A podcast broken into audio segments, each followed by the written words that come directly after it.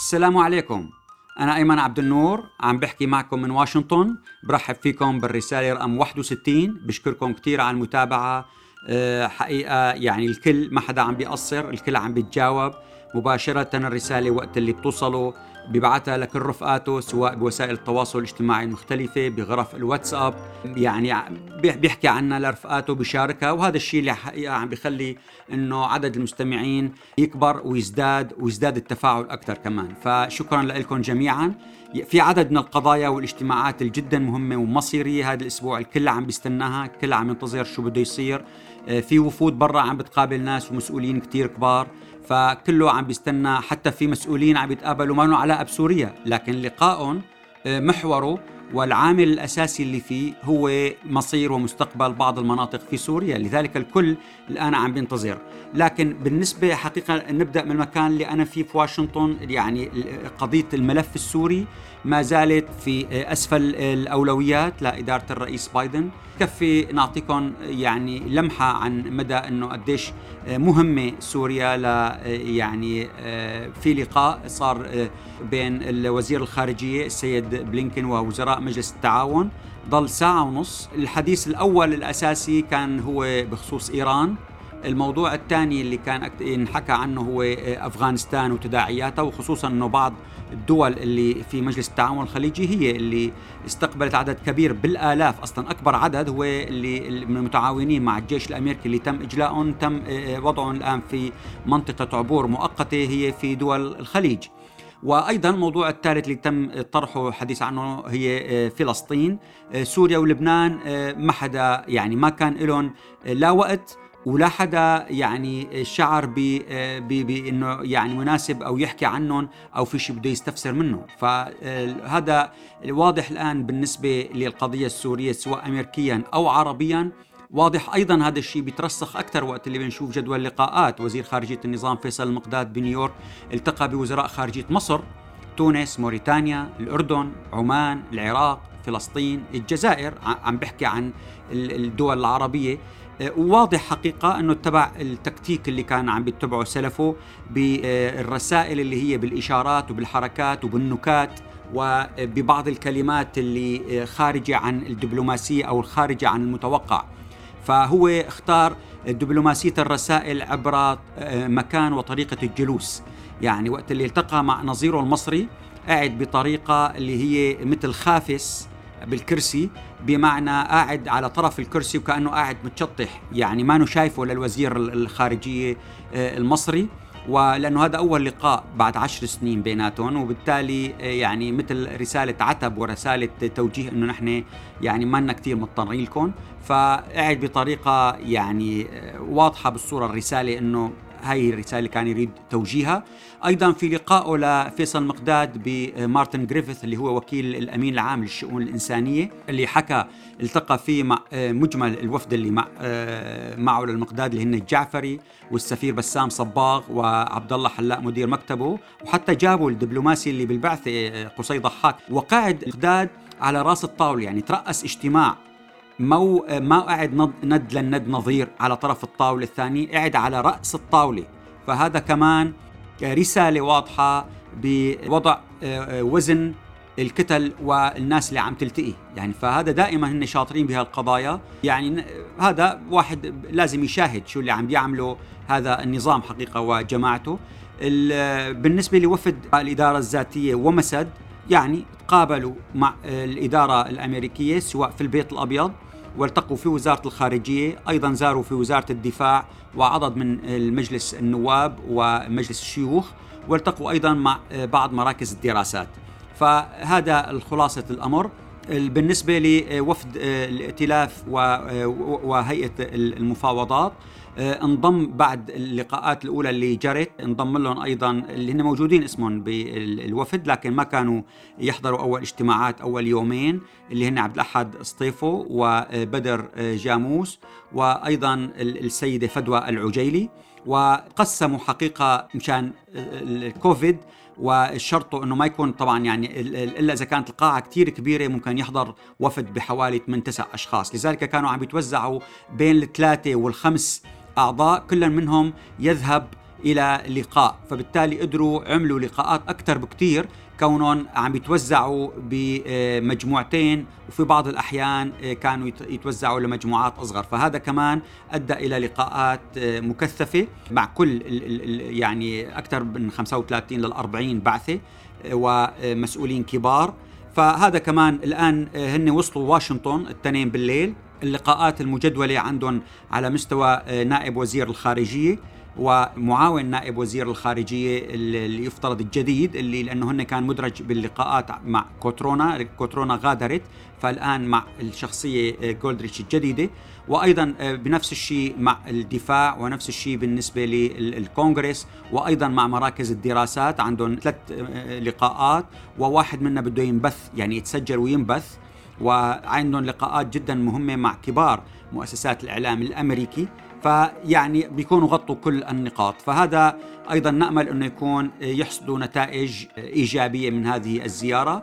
الناس الآن منتظرة حقيقه يعني في شمال غرب سوريا اللقاء المفصلي اللي اللي هن عم ينتظروه بين الرئيسين بوتين وأردوغان بسوتشي اليوم الأربعة يوم البث لكن نحن بنسجل قبل بيوم وبالتالي لسه ما كان جرى اللقاء. هلا صحيفة ياني شفق التركية حكت إنه بده يتم الاتفاق بدهم يحطوا خارطة طريق لمستقبل إدلب. وبالتالي قالت إنه هذا رح يكون من ضمن ثمان نقاط. وذكرت إنه بده يتم إحياء الدوريات التركية الروسية المشتركة بدهم يراجعوا الخطوات اللي تم اتخاذها حيال المنظمات اللي موجودة في منطقة شمال غرب سوريا في منطقة آه، الحكومة السورية المؤقتة وحكومة الإنقاذ. وبالتالي بده يتم وضع خطة عمل جديدة ضد الجماعات اللي كانت مدرجة سابقا على جدول أعمال سوتشي وتعامل معها وفق هذا الأساس. أيضا الإتراك بدهم يضعوا فقرة اللي هي وقف هجمات آه، يعني وحدات حماية الشعب الكردية على المناطق الآمنة في الشمال الغربي. وأيضا آه، بدهم ينطرح موضوع وتوفيقه لإنهاء قضية هجمات النظام السوري والروس اللي عم بيتحججوا دائما أنه بوجود إرهابيين وهي عم بتصيب الأكثر مدنيين. فهذا الأمر أيضا بده يكون في بند عن ضمان الاستقرار وتوفير الأمن في المنطقة وبالتالي بيؤدي إلى القضاء على موجات الهجرة. ضمن هذا المناخ العام بده يتم التأكيد طبعا على سلامة وحدة الأراضي السورية وإعادة اللاجئين اللي فروا من الحرب وإجراء انتخابات. يعني هالكل الحكي الروسي لكن النقطة المهمة حقيقة أنه الاثنين تقريبا شبه متفقين الآن أنه التواجد العسكري الأمريكي غير شرعي وهذا الشيء أبلغه رئيس الأركان الروسي لرئيس الأركان المشترك الأمريكي مارك ميلي وقت اللي التقوا يوم 22 الشهر من كم يوم بفنلندا. فأبلغوا أنه الوجود الأمريكي يعني والنظام السوري أيضا صرح بهذا الأمر إنه التواجد غير شرعي وبالتالي يعني بضرورة مغادرة القوات الأمريكية. فالمركز نورس عمل مثل آه، آه، يعني جردة للخلفيات المناخ اللي عم بيتم فيه مثل هذا اللقاء. ولاحظ إنه في تصعيد قبل اللقاء. يعني مثلا لافروف قال استخدم تعابير الإرهابيين في المناطق اللي عم بيتم قصفها. آه، علما أنه في جزء كبير منها هن مدنيين، ناس مدنيين موجودين غير مسلحين، فقال لافروف أنه لن نتسامح مع هجمات الإرهابيين بمنطقة إدلب، وقال ان القوات الروسية تستخدم القوى العسكرية بإدلب بناء على قرار من مجلس الأمن الدولي. وقال لن نتسامح مع هذه الهجمات التي شنها الإرهابيون من مناطق خفض التصعيد في إدلب ضد القوات الروسية وقوات دمشق، فاذا واضح التصعيد بالنسبة لكلامه. وتابعوا الروس قالوا إنه تركيا ما نفذت اتفاقيات سوتشي. فالأتراك أيضا ردوا على الروس إنه هي هي لا إنه نحن نفذنا اتفاقيات.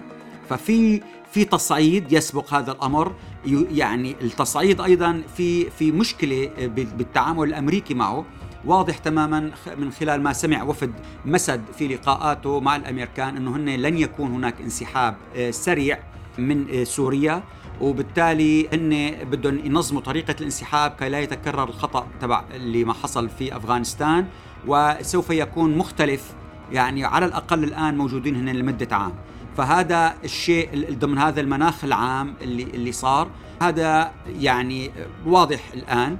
لذلك شو اللي عملت الخارجية الروسية؟ مباشرة دعت للقاء ثلاثي إسرائيلي أمريكي روسي لمناقشة الوضع في شرق الفرات في سوريا لأنه تل أبيب هي عم تعتمد عندها علاقات متميزة مع روسيا وعندها علاقات متميزة مع أمريكا فروسيا رايدة تستخدمها في الضغط على تقرير مستقبل القوات الأمريكية في سوريا وأيضا على وضع خارطة للمستقبل في سوريا وفق القراءة الروسية بعد ما تقدم هي ضمانات لإسرائيل وضمانات لأمن حدودها. فهذا هو ما تسعى إليه الروس. هلا الشيء اللي صار كمان أيضا وتر الأجواء إنه بنيويورك آه، الرئيس أردوغان التركي ما كان في لقاء مجدول مع الرئيس الأمريكي اللي كان موجود أيضا في نيويورك. وبالتالي اعتبروها الناس كأنه آه، أمريكا ما رايدة تقوي موقف تركيا في مفاوضاتها مع الروس ولا أنا رايدة تبرز إنه هي داعمة للموقف التركي أو إنه هي داعمة للتسوية التي عم بيطرحوها التراك والروس وهي نفس اللعبة اللي عم تلعبها بشكل دائم إنه هي ما بتحط خطة. لكن تحتفظ بنف... لنفسها بحق النقد. حطوا الخطة اللي بدكم إياها. إذا عجبتنا ما بن... ما بنعترض لكن إذا في شيء ما بيعجبنا رأسا بنكبس زر الفيديو. فمشان هيك ما أعطت الضوء. وهذا الشيء اللي أدى أنه الرئيس أردوغان بعد صلاة الجمعة يوم الجمعة الفائت بنيويورك آه، حقيقة كان آه، تصريحه جدا شديد على إدارة الرئيس بايدن. قال إنه الوضع اللي وصلت له العلاقات مع واشنطن يعني ما هو الشخ... العلاقات المأمولة بيناتنا وهي ليست ليست العلاقات اللي لازم تكون يفترض إنه تكون بين دولتين عضو بحلف الناتو. وقال علينا التعبير عن ذلك لأنني على عكس إدارة الرئيس بايدن لم أرى مثل هذه المواقف مع أي من القادة السابقين في أمريكا، فاذا في في توتر بهذه القضية. وجكارة فيهم قال إنه علاقاتنا مع روسيا ممتازة ونحن وياهم بإيران نحن المؤثرين وحدنا. وأنه أمريكا لا تهتم كثيرا بسوريا ولا بالأسد. وأنه نحن تركيا وروسيا وإيران نستطيع وعلينا إيجاد حل سياسي مناسب في سوريا يضمن أمن حدودنا الجنوبية كتركيا، هذا الرسالة اللي نقلها من قلب نيويورك، هلا يعني المناخ العام أيضا اليونان عم بتحصن حالها. عملت يعني جدار واجراءات أمنية مشددة حتى تمنع هجرة أي لاجئين قادمين من تركيا وتستخدمها تركيا كسلاح ضد أوروبا كما كانت فعلت في السنوات الفائتة، انتخابات بألمانيا النتيجة واضحة قد تؤدي إلى آه، تشكيل حكومي ليس من تشكيل السيدة آه، أنجيلا ميركل الحالية وبالتالي يكون يساري يكون قريبا من روسيا يتم استخدامه أيضا في الضغط على عدد من الدول الأوروبية من أجل التسوية في سوريا وفقا لقراءة روسية. فهذا كمان يعني كله عم عم بتكاتف روسيا عم تحاول تفتح حتى خطوط مع المعارضة التركية وبالتالي أيضا يعني هذا عامل كله يعني عم عم بيغير كل آه، مشاعر المنطقة. الشيء الواضح الآن اللي عم بيقوله مركز نوراس أنه روسيا ما بتشتغل لهدف قصير لكن هي واضح تماما عم تشتغل على هدف طويل اللي هو عم وفقا لمركز نوراس عم بيقول إنه بده تعيد تركيا علاقتها مع نظام الأسد. التخلي عن دعم المعارضة إزاحة تركيا من الساحة السورية وهذا الشيء اللي عم تلعبه آه، روسيا عن طريق سلسلة من التنازلات شوي شوي عم تاخذها منها سلسلة هجمات قصف وجعل تتراجع تباعا لتركيا إلى أن تصل وتحقق ما تريده روسيا.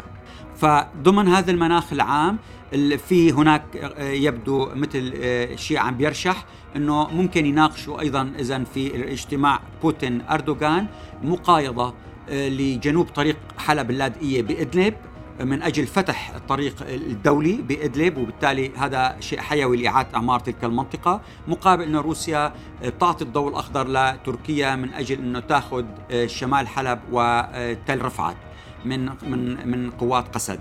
يعني في عدد من القضايا لنستنى اليوم وقت يوم بث الحلقة لنشوف شو اللي بده يصير. هلا هيئه التنسيق عمل عملت بيان مهم حقيقة للمطالبة وتسكير المجتمع الدولي وخاصة الروس اللي هن أصدقائهم اللي في سوريا اللي تم اعتقالهم هن والصينيين بسبب زيارتهم كسيد عبد العزيز الخير نظرا لزيارته للصين. يوم اللي رجع مباشرة تم اعتقاله وهو جاي من المطار وبدون خجل الصين ما عملت أي بيان ولم تتصرف أي شيء. نفس الشيء رجاء الناصر بعد ما اتصل في السيد هيثم مناع وقال له إنه يطلع يسافر مشان يلتقي بوغدانوف آه، تم اعتقاله ومخفي من آه، من تسع سنوات. وأيضا اعتقال المحامي المدافع عن حقوق الإنسان خليل معتوق. فالبيان هيئة التنسيق كان واضح وفي إحراج لروسيا وللصين. السيد زياد الصوفي عمل آه، شبه رسالة حقيقة لأهلنا العلويين في سوريا عم بيشرح لهم النموذج كيف بتصرف في عائلة الأسد معهم. كيف بيعتبرون أنه عبارة عن فقط تابعين آه، بدون ما ياكلوا همهم نهائيا. حكى عن شو عم بيعمل رفعت الأسد مع 79 سوري من اللي هربوا معه من عام 1984 كان حاطهم في منطقة بمقاطعة آه، فال دواز آه، الآن ما دفع لهم حتى فواتير الكهرباء فاضطرت البلدية تقطع عنهم المي والكهرباء. الأسبوع القادم رح تخليهم من مناطقهم وبالتالي رح يصيروا في الشارع. وعم بيقول لهم زياد الصوفي لأهلنا العلويين إنه أنتم هذا مثال حي لما سيحدث لطائفة بأكملها ربطت مصيرها بمصير الأسد القاصر وماذا سينتظرهم؟ لحظة هروب عائلة الأسد الكبير، يعني هذا ال ال ال يعني الرسالة اللي كان عم بيعطيهم إياها، هلأ في مؤشر كمان واضح بالنسبة لي بالكونغرس. النفس آه، حقيقة لا حزبي يعني الديمقراطيين والجمهوريين ضد قضية تكرار ما حصل في أفغانستان بدون روية في سوريا. لذلك تم إلغاء الاقتراح الاقتراحين اللي كانوا مقدمين من أعضاء آه، من الكونغرس ومنهم السيدة رشيدة طليب اللي طلب إنه انسحاب من سوريا في غضون عام. وأيضا إنه تقوية قوات قسد لحتى تصبح مكتفية ذاتيا كي يسمح بإنه تطلع القوات الأمريكية. فتم إفشال هدول التصويت وافشالهم ورفضهم بمعنى أنه لا ما عادوا موجودين لكن الكونغرس مجلس النواب آسف آه، وافق على وبانتظار أن يوافق مجلس الشيوخ ومن ثم يصدره الرئيس على تعديلين اثنين بقانون الدفاع الوطني الجديد ان دي اللي هن الأول تقرير عن ثروة الأسد وأفراد أسرته بما في ذلك أبناء عمومته عائلة مخلوف.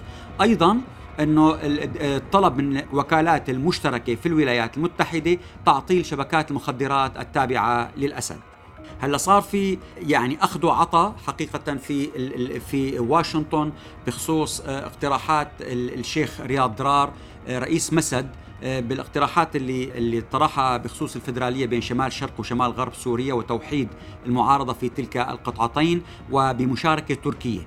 هلا القسم الجالية السورية في الولايات المتحدة يعني كانت أيضا كان عندها فكرة وطرحتها يعني وقت اللي هي بتطرح فكرة الجالية السورية بالإعلام هي تتبناها وتطرحها وتعمل فيها بشكل جدي يعني مو عبارة عن فقاعة وقنبلة في الإعلام فهي طرحت هذا الموضوع في في اجتماعها مع السيدة إيمي كوترونا معاونة نائب وزير الخارجية ولديها ورقة عمل بهذا الخصوص وأيضا طرحتها الجالية في لقاء مع المسؤول التركي اللي حكيت عنه قبل أسبوع في الرسالة السابقة. اذا هذا يعني هي تصرفاتها تتطابق مع تصريحاتها.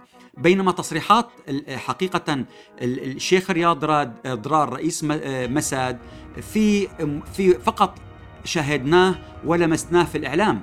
بينما وفد مسد الموجود الآن في واشنطن وفي لقاءاته كاملة كلها أنا أجريت عدد من الاتصالات ومع كل من التقاهم وفد مسد والكل أكد أنه لم يطرحوا نهائيا قضية إنه الوحدة أو الفيدرالية مع شمال شرق مع شمال غرب سوريا فنتأمل يعني انه يكون هذا الشيء يتحول إلى ورقة عمل ويطرحها الأفراد في لقاءاتهم والوفود في زياراتهم كما تفعل أي يفعل السوريون الآخرون. هلا الاتحاد الأوروبي قدم بحدود واحد ونص مليار ليرة تركية لدعم تعليم الأطفال السوريين، بالتالي الأطفال السوريين ليسوا عبء. وحتى والي غازي عنتاب داود جول حكى إنه هن حصلوا على 2 مليار و155 مليار ليرة من أجل بناء المدارس للطلاب السوريين اللي عددهم بحدود 170 ألف. بالمدينة وصاروا بانيين لهم 41 مدرسة. طبعا لسه في حاجة ليكون العدد أكبر. نداء بوست عملت حقيقة خبر مهم إنه النظام السوري فكك تقريبا معظم الحواجز العسكرية والأمنية اللي كانت تشظي درع البلد ومدينة درعا والسد والمخيمات وحاجز الصناعية ومخيم درعا كلها فعم بيقول إنه تم تفكيك حتى حواجز عسكرية داخل المربع الأمني بأحياء المدينة وأشهرهم حميد الطاهر اللي هو أكبر حاجز واللي كان يستخدم للاعتقال والتعذيب، حتى حاجز ساحة بصرة، مدخل حي السبيل، حاجز البانوراما، كلها تم تفكيكها اللي عم بيقول نداء بوست إنه هذا الشيء يبدو الهدف منه هو مد خط خطوط الغاز الإقليمي وتهدئة المنطقة حوالي تلك الخطوط حتى ما تتعرض لقصف أو ضرب سواء خطوط الغاز أو آه، يعني الأبراج الكهرباء وإسكات درعا اللي هي تعتبر لها رمزية خاصة كمهد للثورة السورية. المفوضة السامية لحقوق الإنسان يعني ذكرت آه، بتصريحها من ثلاثة أيام كلام جدا مهم. حقيقة قالت أنه بدقة صار عندهم معرفة بأسماء 350 ألف شخص من اللي استشهدوا في سوريا بين عامي 2011 و 21 ومعرفة هوياتهم وأسمائهم بدقة. مما يعني أنه العدد الحقيقي يعني لأنه هو دائما بيكون بين ضعفي وثلاث أضعاف نحن عم نحكي بين ال 700 ألف والمليون. هذا كلام أرقام من الأمم المتحدة. وعم بتقول أنه أكبر عدد من العمليات ال ال يعني ال ال الإجرام اللي استخدمها النظام ضد حق شعبنا هي موثقة في حلب بعدها بتجي محافظة ريف دمشق ومن بعدها حمص. الواقع حقيقة الاقتصادي في داخل مناطق النظام مأساوي. هذا الشيء أكده أيضا الصناعي مجد ششمان اللي هو أيضا بغرف الصناعة. قال في 19 ألف صناعي غادروا حلب خلال أسبوعين و28 ألف من دمشق. عم بيتجهوا اما لمصر أو لأربيل السبب إنه ما في كهرباء وصعوبات الإنتاج تعدي الجمارك الوضع الاقتصادي جدا صعب فهذا أدى إلى إنه هن فقدوا الأمل في بقائهم في سوريا. هذا الشيء أيضا اجى مترافق إنه النظام حجز على أموال تجار بدمشق آخر ست اشهر ل 2000 شخص اللي هن من كبار التجار ورجال الأعمال حتى الصغار ما نفذوا منه اللي هن الحرفيين وأعضاء مجلس المكتب التنفيذي باتحاد العام للحرفيين. فاذا الوضع جدا سيء. آه، أدى هذا الشيء لأنه يقوم عضو مجلس الشعب ريمون هلال يكتب إنه المنحنى البياني لهجرة العقول يتصاعد بوتيرة عالية. قال إنه السبب انعدام التغذية بالتيار الكهربائي بشكل كامل أو شبه كامل بريف دمشق وأقول هنا انعدام وليس تقنين مع انعدام مادة المازوت وتخصيص كميات هزيلة وخجولة لا تكفي لبضعة أيام. هذا الشيء أدى إلى إجهاض الموزم السياحي إحجام الأهالي عن زراعة المحاصيل وتربية الدواجن والمواشي. الأهالي لجأوا إلى قطع الأشجار مشان يتدفوا فيها بالشتاء. هذا الشيء أدى إلى نزوح جماعي للأهالي وخلق خلل ديموغرافي. الدكتور إياد القدسي أيضا طرح برنامج عمل إنه لازم يكون في تشكيل لحاضنة شعبية داخل سوريا وببلاد اللجوء وبالمهجر لحتى تنوجد فريق من شخصيات مميزة مشهورة بالنزاهة، الكفاءة، القدرة على تحمل المسؤولية، عندها خلق وشجاعة وأقدام، عندها فكر وبرنامج عمل وطني ضمن برنامج زمني محدد ورؤية سياسية وطنية تعمل على ضبط الوضع الأمني بالبلاد، تشرف على برنامج مصالحات محلية، تعمل على توفير البيئة الآمنة التي تمكن المهجرين والنازحين من العودة لبلادهم، تكريس مبادئ المواطنة والتساوي في الحقوق والواجبات، والإشراف على عمليات إعادة الإعمار بكافة تفصيلاتها، هذا حقيقة في الخبر الأخير الدكتور سامي الخيامي بنقول له الحمد لله على السلامة اللي تعرض لحادث سير هو ماشي برصيف ببيروت إجت سيارة راجعة لورا طلعت على الرصيف وضربته كسرت له كتفه وهذا شيء بيأذي كثير وخاصة لشخص بسنه. بالتالي بنقول له الحمد لله على السلامة وإن شاء الله معافى من هالكسور الكبيرة. الناجحون فريق عمل الرسالة حقيقة وصلته رسائل شكر عدة رسائل شكر ورافعين مثل يافطات شكر له بمدينة دير الزور ومن أهالي الميادين ومن أهالي أبو كمال. بنقول لكم موفقين وإن شاء الله بنلتقي قريبا كلنا. شكرا لكم.